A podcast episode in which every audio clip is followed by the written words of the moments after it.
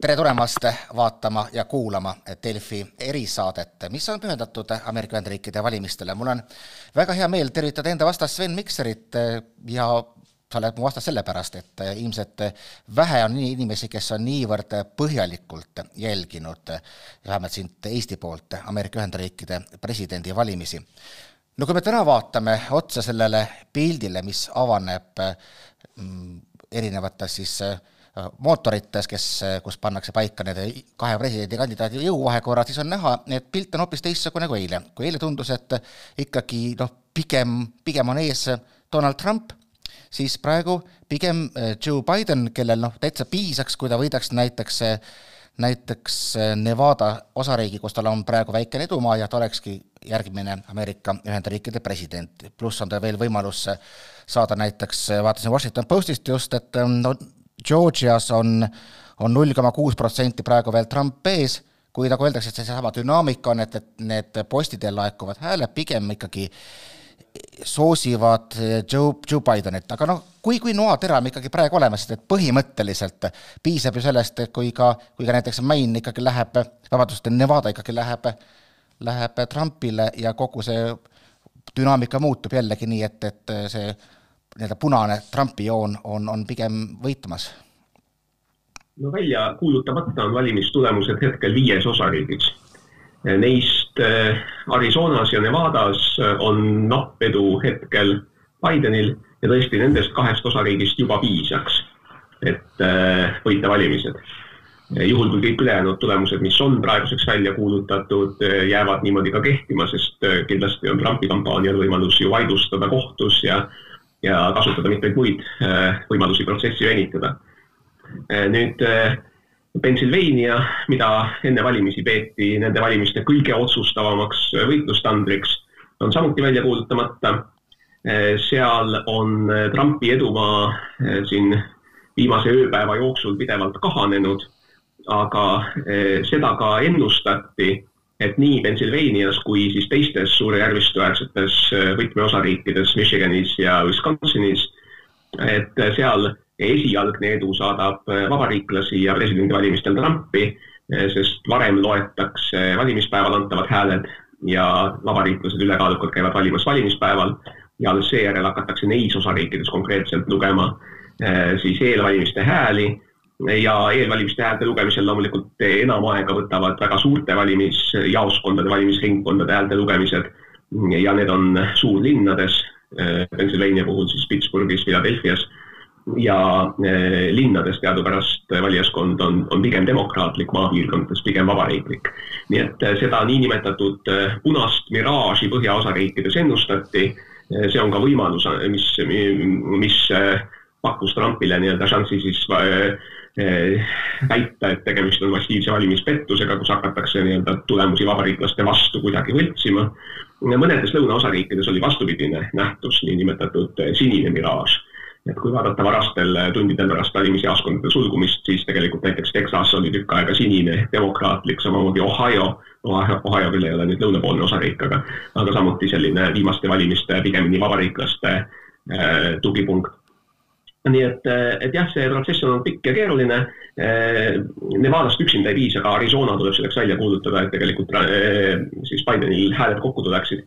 Pennsylvania on kõige suurem neist võtmeosariikidest, sealt läheb valimiskogusse kakskümmend valijameest ja Pennsylvaniast juba piisaks, et Trump, või vabandust, et Biden saaks kaks, kakssada seitsekümmend häält kokku. Eh, ja, ja, ja tegelikult maatera peal tõesti on ka veel Põhja-Carolina ja, ja Georgia ja Georgias on, on äh, samuti Trumpi edumaa on kokku kuivanud, järele sellest on jäänud paarkümmend tuhat häält ja äh, Georgias samamoodi suured valimisringkonnad, esmajoones siis Atlanta ja selle eeslinnad, on tegelikult selle pika häältelugemisprotsessi käigus toonud nagu Bidenile pidevalt väikesi selliseid plusspunkte juurde. nii et tõesti, praegusel hetkel Bidenil on tunduvalt rohkem matemaatilisi võimalusi nende viie järelejäänud osariigi baasil jõuda välja kahesaja seitsmekümneni. tõsi on muidugi ka see, et, et Trump on juba lubanud vaidlustada või tema kampaania on juba lubanud vaidlustada ja paluda üle lugeda siis nii Wisconsini kui Michigani hääli. millest selline ikkagi hääletamise vahe tuleb, natukene kui panna seda Eesti konteksti, on umbes sama olukord, kui on kohalikud valimised ja Tallinnas laekuvad e-hääletuse tulemused, on see hoopis teistsugune kui siis, kui tulevad hääled näiteks Lasnamäelt kohale. aga miks, miks paneb ikkagi demokraate rohkem eelistama kirja teel valimist ja siis vabariiklasi minema valimispäeval kohale? No eks eh, sellel konkreetsel valimisel me oleme ju näinud, kuidas Trump on eh, märtsikuust alates püüdnud eh, vähem, vähendada seda pandeemia tähtsust ja, ja väita, et majandus tuleb käimas hoida ja inimesed võivad julgelt käia ringi, osaleda suurtel rahvakogunemistel ka ilma maskita. samal ajal demokraadid on kutsunud üle, üles valvsusele, ettevaatlikkusele et eks ka see on üks, üks selline mõjur, et demokraadid on pigemini eelistanud siis oma kodusest turvalisusest posti teel hääletada. ja, ja demokraatide liidrid on ka kutsunud üles seda võimalust aktiivselt kasutama. et eh, mõnevõrra jah, see paralleel Eestiga pädeb, et kui ikkagi ühe partei juhid pidevalt räägivad, et mingi hääletamisviis, näiteks e-hääletamine on ebaturvaline, siis on selge, et just nende valijad on ka vähem usaldavad selle valimisviisi suhtes ja eelistavad kasutada selliseid äh, traditsioonilisemaid viise, et eks Ameerikas on sama. Ja noh, need valimisviisid muidugi osariigiti on väga erinevad, et see, kuidas täpselt äh, valimine läbi viiakse, on väga suurel määral osariikide käes. ja osariigid on tõesti kasutanud erinevaid lahendeid äh, see, see ajaaken näiteks, mille jooksul need e, e, eelhääled ja kirja teel antavad hääled võivad laekuda, varieerub päris tublisti ka nagu juba öeldud, see, kuidas neid kokku loetakse, millises järjekorras täpselt, on osariigiti erinev. Ja no üks asi, mis kindlasti nüüd eh, paralleeli Eestiga välja ei kanna, on see, et kui me mõtleme, et tegemist on eh, kolmesaja kahekümne miljonilise riigiga ja, ja juba neid e, e, vabandust, eelhääli eh, oli enam kui sada miljonit. posti teel laekuvaid hääli oli kümneid ja kümneid miljoneid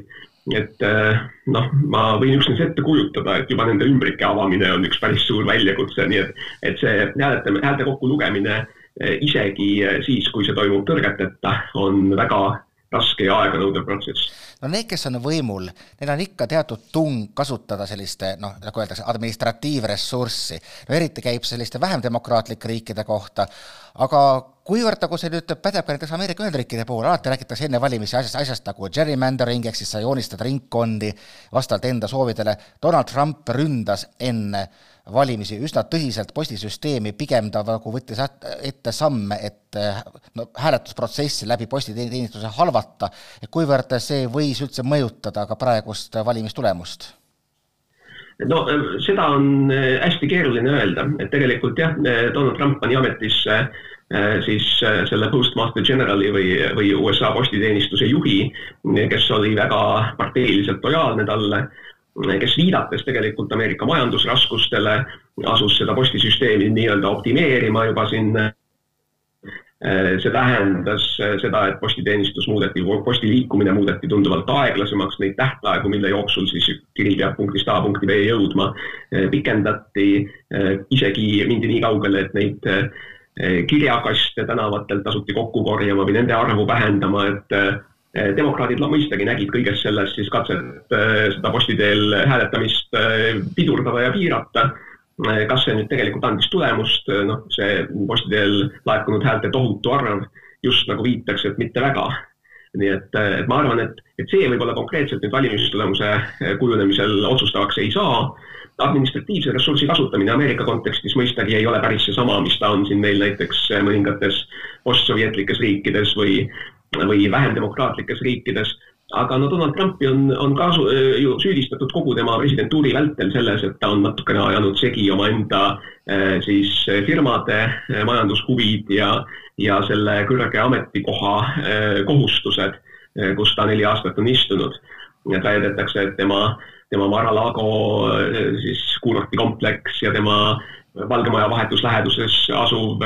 hotell, mis muide on endine peapostkontor et, et need on eh, tublisti tudu saanud eh, sellest, et Donald Trump on istuv president, et väga palju administratsiooni üritusi on korraldatud eh, seal.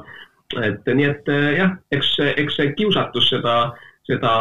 ametiposti kasutada on suur ja no teisest küljest muidugi on väga keeruline mis tahes istuval presidendil, kes tagasivalimist taotleb, täielikult valimiskampaania ajaks lahutada presidendi roll kandidaadi rollist. et eks eh, selles mõttes seda presidendi nähtavust paratamatult saab, saab ametis olija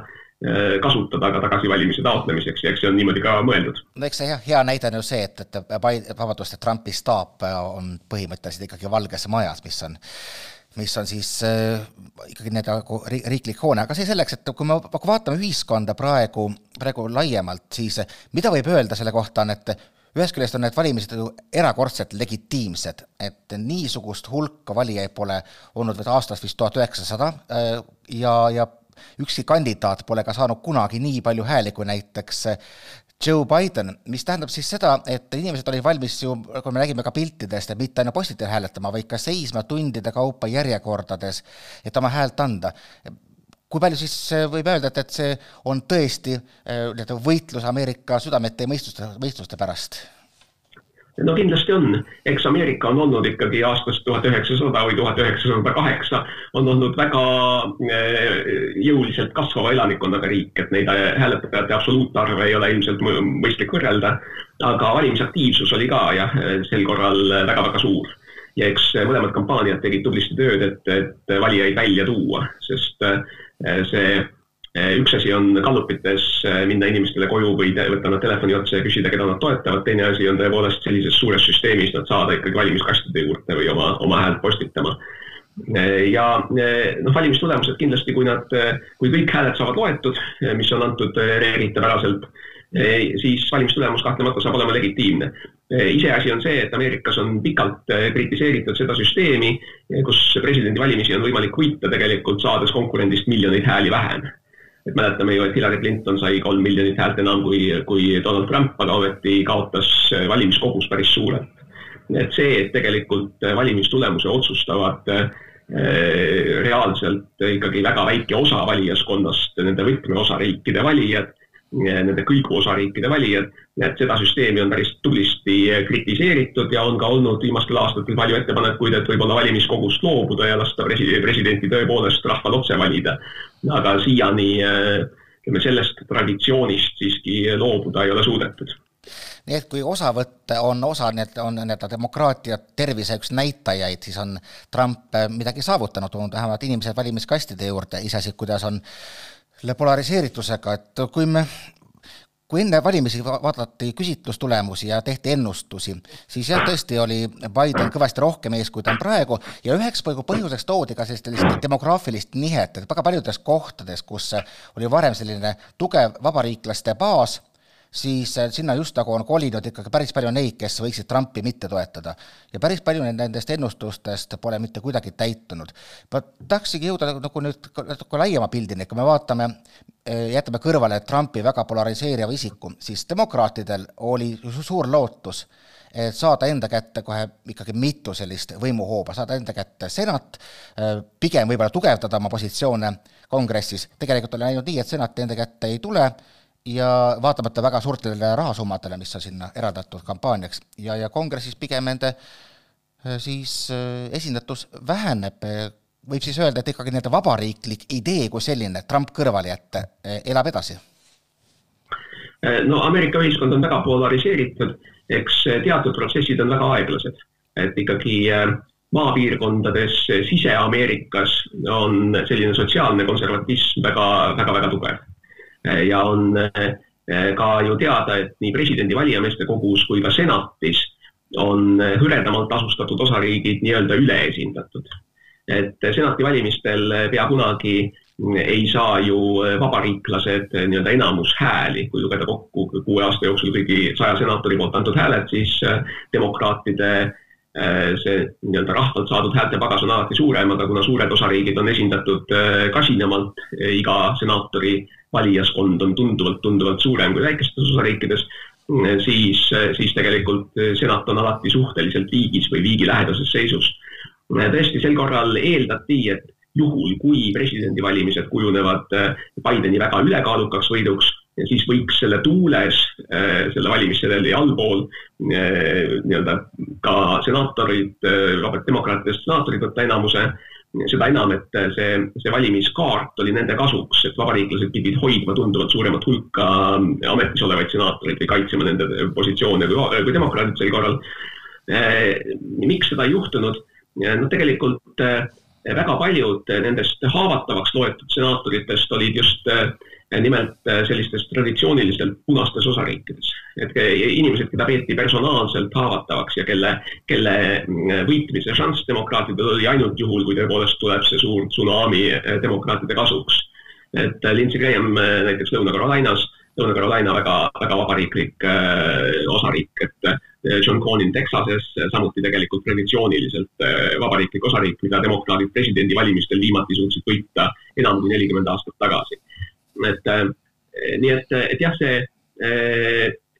lõppseis tundub, et jääb peaaegu kõigil juhtudel siis ametis olnud vabariiklaste kasuks. kaks kohta nad kaotasid, Cory Gardner Colorados, mida peeti pikalt kõige haavatavamaks vabariiklaste senati kohaks ja Colorado on tegelikult osariik, mis on valimiselt valimisele muutunud järjest sinisemaks, järjest demokraatlikumaks. omal ajal väga, väga tugevalt vabariiklik osariik, aga, aga seal tõepoolest see demograafiline trend tundub, et töötab. Nüüd järgmine nii-öelda uus Colorado paistab olevat Arizona. osariik, mis oli väga eh, kindlalt vabariiklik, aga hakkab minema järjest enam demokraatlikuks. sel korral teine vabariiklaste kaotatud senati koht, Martha McSally just nimelt Arizonast ja ka presidendivalimistel noh, hetkel tundub, et Arizona jääb, jääb äh, siniseks. nii et äh, teatud osariikides need trendid on nähtavad. näiteks Georgia on muutunud vägagi haavatavaks. hetkel veel on ebaselge lõplikult, kuidas presidendivalimiste tulemus seal kujuneb. senati valimistel olid seal mängus tegelikult mõlemad senaatori kohad, üks neist nii-öelda open primary, kus, kus kandideeris terve rida Eh, kandidaate ja kus siis eh, juhtiv demokraat ja juhtiv vabariiklane läksid edasi teise vooru. Eh, teine oli siis, kus ametis olev vabariiklasest senaator tundub, et vist suudab oma positsiooni kaitsta, kuigi, kuigi ka see äh, valimine võib minna teise vooru jaanuaris. nii et neid lahtisi otsi on ka senati puhul olemas. esindajate kojas kindlasti on demokraatidele nüüd küsimus, miks nad ei suutnud oma enamust või enamuse suurust hoida, sest napi enamuse nad tõenäoliselt siiski säilitavad, kuigi ka seal on kõik hääled veel kokku lugemata no mis äh, rolli mängib senat, seda me ju nägime üsna hiljuti veel, paar nädalat tagasi, kui, kui pandi ametisse uus ülemkohtu kohtunik, nii et nii-öelda, nii-öelda konservatiivsete kohtunike saldo on nüüd kuus-kolm ähm, ja, ja võib mõjutada Ameerika Ühendriikide poliitikat veel väga, väga äh, pikka aega, et äh, võib siis öelda, et, et oletame, et kui praegu ikkagi Joe Biden jääb peale ja saab presidendiks, siis see, et senat on vabariiklaste käes, seob tema käsi päris korralikult? No seadusandlikus mõttes on eh, tegelikult senati esindajate koja, koda eh, võrdsed, et nad eh,,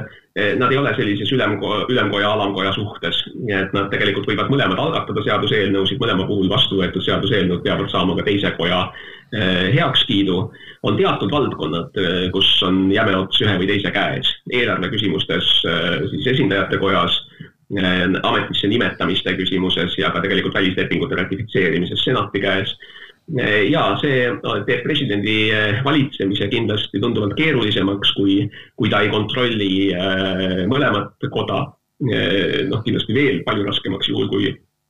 mõlemad kongressi kojad on, on vastaspartei käes Äh, teisest küljest, eks see sunnib jälle rohkem otsima sellist keskteed ja kompromisse ja võib-olla kui vaadata, et kuidas viimased äh, neli aastat on ikkagi ka see hääletamine kongressi künkal, kapitooliumi künkal käinud ikka väga rangelt parteiliinide järgi, et siis võib-olla selline kesktee otsimine isegi ei ole üldse mitte paha asi.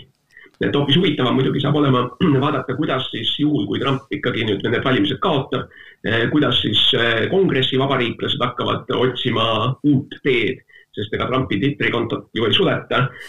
Trumpi lojaalne järgijaskond nii konservatiivses meedias kui ka laiemalt Ameerika ühiskonnas on olemas. vaadates, arvestades tema, tema isiksuslikke omapärasid, siis võib eeldada, et ega ta nüüd päriselt ei kao avalikust kommunikatsioonist. samas kindlasti peavad vabariiklased kongressis suutma edasi minna Trumpist, nii et, et see saab olema üks raske ja keeruline lahutus tõenäoliselt ja, ja, ja võib kesta päris pikka aega Äh, nii et see Trumpi vari, ma arvan, jääb, jääb veel tükiks ajaks äh, Vabariikliku partei ja tema valijaskonna kohale, isegi kui ta presidendi äh, ameti kaotab. aga, aga noh, ma, ma arvan jah, et, et tegelikult Joe Biden on päris hästi positsioneeritud, et vähemalt üritada seda koostööd teha. noh, iseasi on muidugi, kui see napp vabariiklik enamus senatis jääbki mängima sellisele väga vastandavale, vastanduvale poliitikale et kui me mõtleme, kuidas Mitch McConnell blokeeris näiteks Obama katset nimetada ülemkohtunikuks Merrick Garlandi pärast seda, kui Antonin Scalia suri viie aasta eest et noh, kui, kui, kui selline vastasseis jätkub ka nüüd uue demokraadist presidendi ajal, siis, siis Bideni töö kindlasti saab olema väga-väga raske.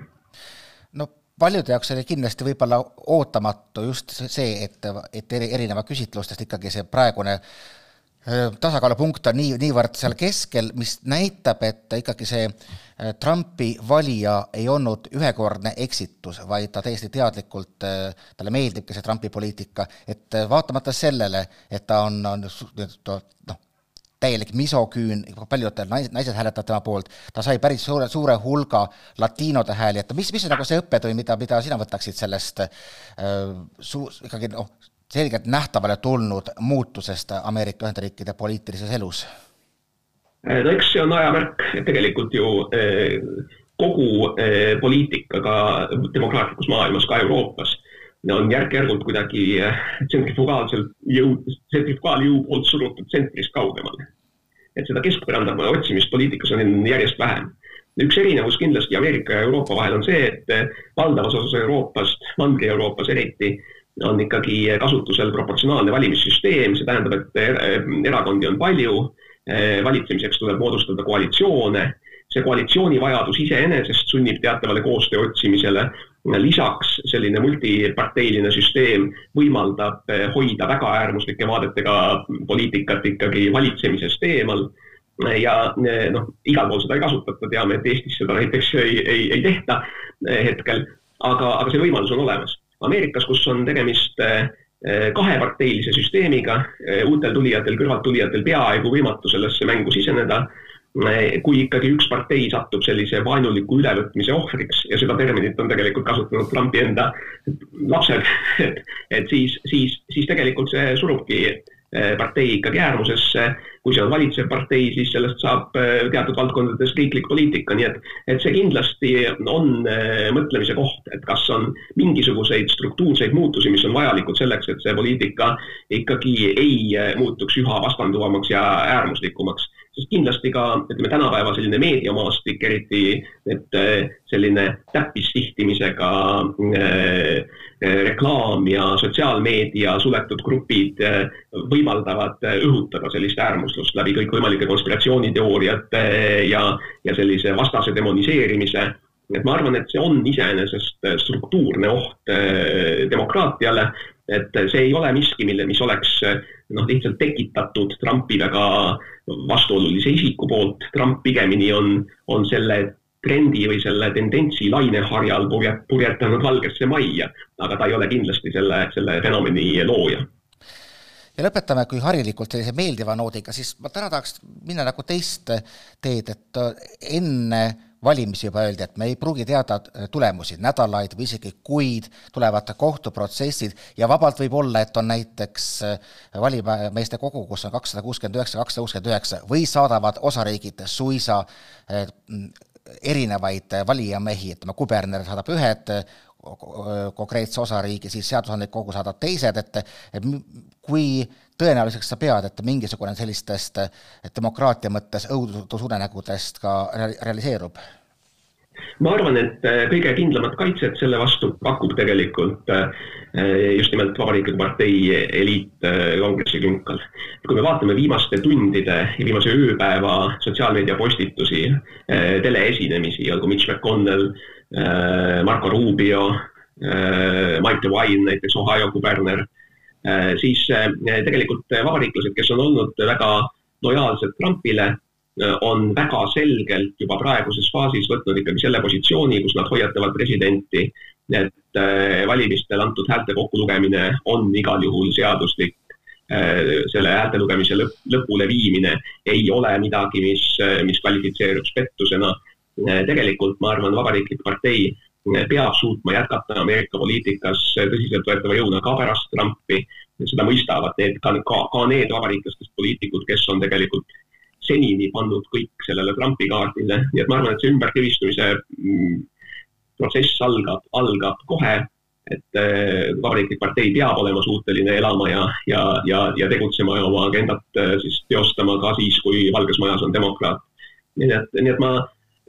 kindlasti pelgan seda, et need lõhed Ameerika ühiskonnas jäävad kauaks püsima ja, ja nende kokkulappimine võib olla keeruline ja mõnes osas isegi võimatu. aga ma, ma ei usu, et, et selline kataklüsm saabuks nüüd tänase päeva ja kahekümnenda jaanuari vahel, kui uus president ametisse vannutatakse no näete, ikkagi me lõpuks lõpetasime meeldiva noodiga, et suur aitäh, Sven Mikser, Euroopa, Euroopa Parlamendi saadik, aitäh! kõike head! Nonii, kuulsime, mida oli öelda Sven Mikseril, kes on tõesti siis päris põhjalikult ja mitte ainult valimiste aja, vaid ka valimiste eel kõike seda jälginud, mis, mis Ameerika Ühendriikides sünnib, et äh, mu hea kolleeg Indrek Leppik Eesti Ekspressi poolt on mu vastas ja ja ka sina oled nüüd jälginud äh, kogu seda dünaamikat, et mida sina nüüd viimasest tööpäevast äh, ennekõike välja loed? see on väga huvitav, et tegelikult ehkki arvatakse, et Äh, arvamusküsitlused väga rängalt eksisid ja eks nad mõneti eksisidki, siis tegelikult on päris paljud asjad läinud nii, nagu võis enne valimisi prognoosida. ehk siis kirjadel saabunud hääled, mida loetakse kõige hiljemana ja just, just kusjuures seetõttu, et äh, ka vabariiklaste takistuste tõttu on reeglid sellised, et äh, kirjadel saabunud hääled neid ei tohi lugeda enne seda, kui valimisjaoskonnad on äh, kella kaheksal õhtul siis äh, lukku läinud. seal vist, vist, vist, vist on mingi väikene erinevus, et mõnedes osariikides võib vähemalt võtta, võtta ümbrikust välja, aga teistes ei tohi üldse mitte midagi teha jah, ja ütleme olu-, vabariikides või osariikides, kus see on kõige olulisem, seal, seal on see kõige enam olnud tegelikult takistatud, aga, aga mida me oleme näinud nüüd võrreldes eilse päevaga, on ikkagi see, mida me võisime tegelikult prognoosida juba õhtupoole, et suurejärvistuäärsed osariigid, peaasjalikult Michigan, Wisconsin ja Pennsylvania, seal on toimunud väga suured muutused. Et kui me näiteks Pennsylvanias nägime veel eile hommikul Trumpi oli see kaheksasaja tuhande häälelist edu, siis mingi tegelikult. kaksteist protsenti rohkem isegi umbes jah, siis äh, tegelikult tänaseks, äh, kui me heidame pilgu ekraanile, näeme me, et see vahe on siit keskeltläbi sada kuuskümmend tuhat häält. ja veel kümnendik on lugeda. ja, ja teine osa, mis ongi selle hilise lugemisega, nii nagu Eesti valimistelgi, kõige hiljem tulevad hääled kõige suurematest jaoskondadest. kõige suuremad jaoskonnad on üldjuhul kõige suuremates linnades. kuidas valivad kõige suuremad linnad? üldjuhul demokraate. mis tähendab ka seda, et tegelikult praeguste prognooside järgi on üpriski tõenäoline, et Pennsylvanias tegelikult Biden läheb ette. Pennsylvanias on aega homse õhtuni lugeda, ehk siis meie aja järgi ütleme laupäeva varahommikuni. nii et olukorras, kus äh, suuremad uudisteagentuurid, suuremad telekanalid on juba Michigani ja Wisconsini eh, Bidenile andnud, siis tegelikult eh, kui me vaatame kakssada viiskümmend kolm eh, valijamehe häält kahesaja seitsmekümneni on vaja jõuda, et see vahe on praeguseks üksnes seitseteist ja, ja tegelikult olukorras, kus Arizonat vähemasti siin New York Timesi kaardil ei ole ka veel Bidenile antud, sest et Arizonas on äh, ka mingi hulk hääli, mis äh, tuleb veel Trumpile. aga ühesõnaga praeguse seisuga, kui ma vaatan nii seda suurejärvistuäärset ala kui ka tegelikult Arizonat, Nevadat kui ka Georgiat, siis äh, tundub üpris tõenäoline, et äh, tegelikult ikkagi Joe Biden need valimised võidab. et, et see, mis pilt paistis eile varahommikul, Eesti aja järgi varahommikul, et see on ikkagi suuresti pöördunud. no just nimelt, miraaž, nagu selle kohta kasutas ka, ka Sven Mikser väljendit, et kui ma vaatan ise hetkel praegu eh, saate hetkel mm, Delfi küljel, seal on pandud ka need nii-öelda mm, mitteametlikud osariigid veel otsa, siis on selgelt näha, et piisab tõesti, kui saab näiteks veel Nevada osariigi juba kuue valijamehega taha, kus praegu on Biden juhtimas ja, ja, ja ongi asi tehtud no siis on huvitav, mis saab edasi, et üks noh, teema on kohtulahingud, millest, millest ka, ka, ka Mikser mainis, aga teine on ikkagi nii-öelda poliitika tänavatel. väga huvitav oli vaadata, samas Ekspressis oli just hiljuti intervjuu Steve Bannoniga, kes eelmine kord nii-öelda tegi selle Trumpi pooleldi. ja, ja tema ütles, et noh, et muidugi Trump võidab, ta oli väga enesekindel ja eile tundus, et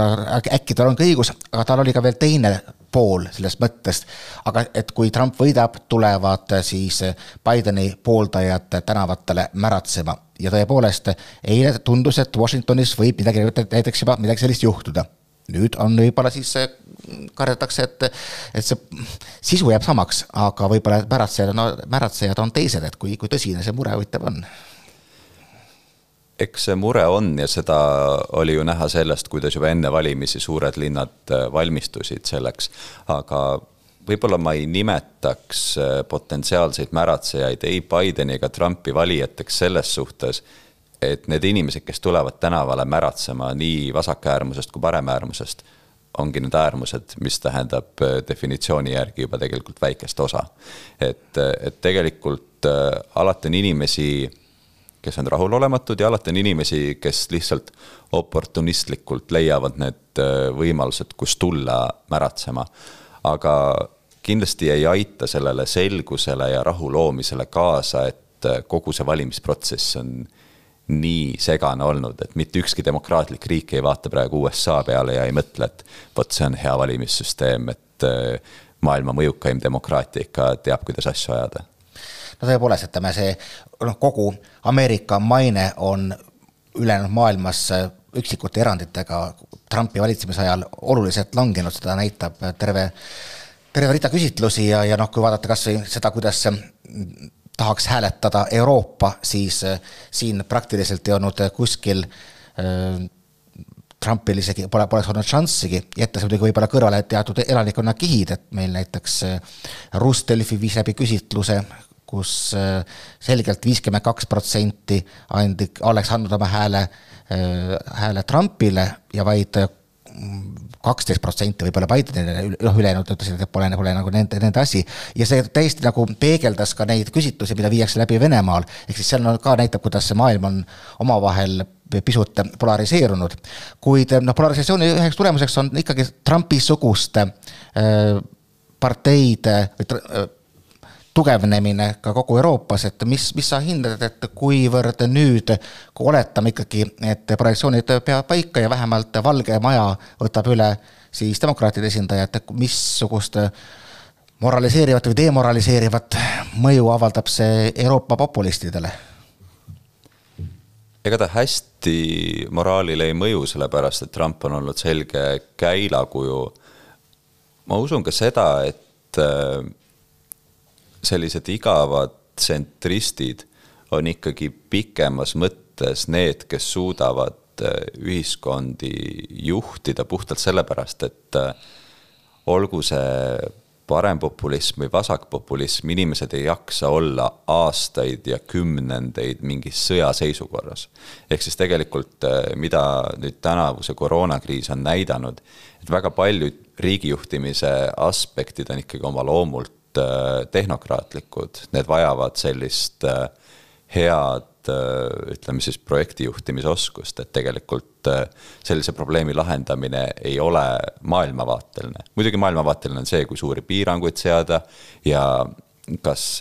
ma ei tea, teha maski kandmine kohustuslikuks ja muud sellised asjad. aga laias laastus on ikkagi praegu olnud küsimus selles, kas ja mil määral ja, ja kuidas sa oma eksperte usaldad mis äh, rolli sa näed poliitikutel selles ja, ja mille ikkagi suuremas osas teevad ära spetsialistid, ehk siis selles mõttes äh, ma arvan, et, et see teatav nagu lainehari on võib-olla ületatud, aga, aga kindlasti ma ei arva ka seda, et USA-ski oleks mingid suured lõhed ületatud, et lõppkokkuvõttes on ikkagi see, et äh, praegu loetud häälte põhjal on andnud Donald Trumpile oma hääle kuuskümmend kaheksa miljonit inimest. Ameerikas elab praegu ütleme, kolmsada kolmkümmend, kolmsada nelikümmend miljonit inimest. et eh, see on ikkagi väga-väga märkimisväärne osa, mis mind võib-olla eh, julgustab ja siin ei ole küsimus maailmavaates, on lihtsalt see, et eh, Joe Bidenil on väga pikaajaline poliitiline kogemus just koostöö tegemise mõttes, et nagu ameeriklased ütlevad nii-öelda across the aisle, eks ole, et nad suudavad teha nii demokraatide kui vabariiklastega koostööd, et tegelikult see saab olema järgmise kahe ja nelja aasta jooksul väga-väga oluline. ja tõesti, et kui oli ka, ka demokraatide eelvalimised, siis toodigi Bideni eeliseks välja see, et ta on pigem niimoodi keskpõrandal, mitte ei, ei esinda ühtegi äärmust, ehk siis tal oli nagu parim šanss üldse Trumpi mm,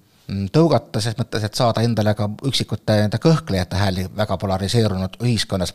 aga noh, väga paljuski, kui me vaatame praegu äh, valitsemisstiili, mis on olnud, mis on iseloomustanud Trumpi aega, siis on see väga paljuski vastuolus sellega, mida, mida sa just välja tõid, et nii-öelda spetsialistide ja teadlaste kuulamine ja et ja päris huvitava mõttekäiguga käis ERR-i portaalis välja äh, poliitikateadlane Tõnis Saarts, kes ütles, et, et see on nagu vastukäik sellisele haritlasdemokraatiale, no mingisugusele nii-öelda meritokraatia osale ning et tegelikult peaks nii-öelda see nii-öelda võimekam haritum, edasipüüdlikum osa saama aru, et kõik inimesed ei ole samasugused ja, ja võtma sellest mingisuguse õppetunni, et kui me vaatame lai, lai, laias perspektiivis, see on nagu ikkagi pikk, pikem trend kui niimoodi üks Trump ja kaks valitsemisaega, et kui noh, kui, kui, kui suure mure me oleme, et, et ühiskonnad ongi ta, just nimelt tänu hariduse edenemisele eh, lõhki läinud? jah, mind samamoodi kõnetas see artikkel ja Kaarel Tarand oleks kindlasti kuri, kui ma ei täpsustaks, et see algselt äh, ilmus Sirbis. aga, aga minu meelest väga hea mõte, mis sealt välja tuli või tähendab, mida vähemasti mina mõtlesin selle peale, on see, et äh, läänemaailmas eriti on äh, töölisliikumine hästi nõrgaks jäänud. et tegelikult meil on väga suur töölisklassi hääl kes toetab Donald Trumpi lihtsalt sellepärast, et ta tunneb, et äh, ta seisab nende eest. ta ütleb neile, et ta toob tagasi tehase töö, ta toob tagasi ka neile sellise korraliku töö ja prestiižiga kaasneva uhkuse, eks ole. et, et tegelikult asi, millega peab, peab tegelema Joe Biden, millega peavad tegelema teised Euroopa liidrid, on see, et on selge rühm inimesi, kes on jäänud äh, globaliseerumise nii-öelda tõmbetuulte kätte. ja ühiskonnana me ei saa mõelda üksnes sellele, et äh, noh, selliselt äh, Jüri mõisalikult, et kõige efektiivsem olekski, kui kõik Tallinnasse koliksid, eks ole. et, et laias laastus on ikkagi see, et ühiskonna eesmärk on seista kõigi oma liikmete eest ja meil on mingi segment, kes on selgelt jäänud Äh, maha ja mitte üksnes sellepärast, et äh, nii-öelda me küll ütleme selliste demograafiliste gruppidena segmenteerime nad, eks ole, nii-öelda mitte kõrgharidusega valijad, aga, aga tegelikult on need ikkagi laias laastus äh, ütleme siis eelmise majanduse oskustöölised. et, et nende jaoks on ikkagi elu muutunud nende eluajal sedavõrd, et noh viiekümne aastane tehase, viiekümne, kuuekümne aastane tehasetööline ei õpi ümber programmeerijaks. ja sellega peavad kõik ühiskonnad tegelema ja kuniks nad ei tegele sellega, leiavad äh, Trumpi-sugused ikkagi populistid võimaluse, kuidas seda ärritust iseenda kasuks äh, ära kasutada. no kui me vaatasime ka kas või Lävepaku küsitlus USA-s, et mis on üldse kõige hingelähedasem, mis pani hääletama, siis oli noh, majandus ja omaenda nii-öelda heaolu oli väga kõrgel kohal ja ideoloogilised küsimused märksa madalamad, mis on ka täiesti, täiesti arusaadav. et see, mida sa kirjeldasid, seda on hästi väljendanud üks äh, keskerakondlane mulle, ütleb, et see, et et EKRE praegu Eestis on nii tugevasti esindatud, on Keskerakonna tegemata töö. no teised ütlevad, et see on sotside tegemata töö, aga et just nimelt, et nad on nagu jätnud oma sellise võib-olla baasvalija pisut unarusse. ehk siis lõpetaski sellega, et ikkagi vaatame enda naba ja oletame, et ähm,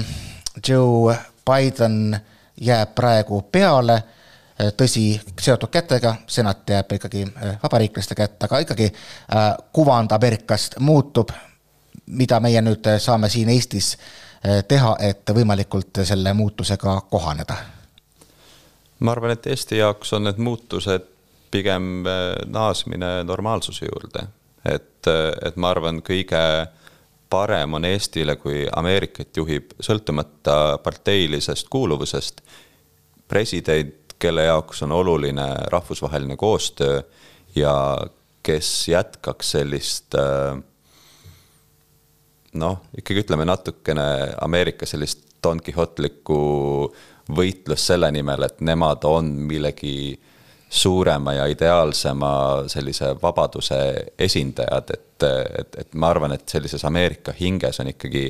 see päris siiras tunne, millest tihtipeale Euroopas ongi võib-olla raske, raske aru saada, et nad on mõnes mõttes vähemasti viimase saja, saja viiekümne aasta jooksul olnud selline eriline rahvus selles mõttes. aga ma arvan, et äh, olgu see Joe Biden või olgu see ka selline muu peavooluvabariiklane, nagu näiteks kahe tuhande kaheksandal aastal oli John McCain, et äh, Eesti jaoks sobivad äh, mõlemad, mõlemast erakonnast taolised, taolised kandidaadid ja taolised presidendid, et selles mõttes ma arvan, Eesti jaoks läheb pilt jälle nagu mõnevõrra, mõnevõrra selgemaks. Nonii, aga vähemalt on natuke aega meil siis veel põhjust küüsi närida, jälgida tulemusi, elada kaasa maailma jätkuvalt veel võimsaima riigi, riigipea äh, valimistele. selline oli meie erisaade, meiega ka olid täna siis äh, Sven Mikser Euroopa Parlamendist, Indrek Lepik Eesti Ekspressist ja mina olen Krister Paris Eesti Päevalehest. oleme siis sündmustel näpuga pulsil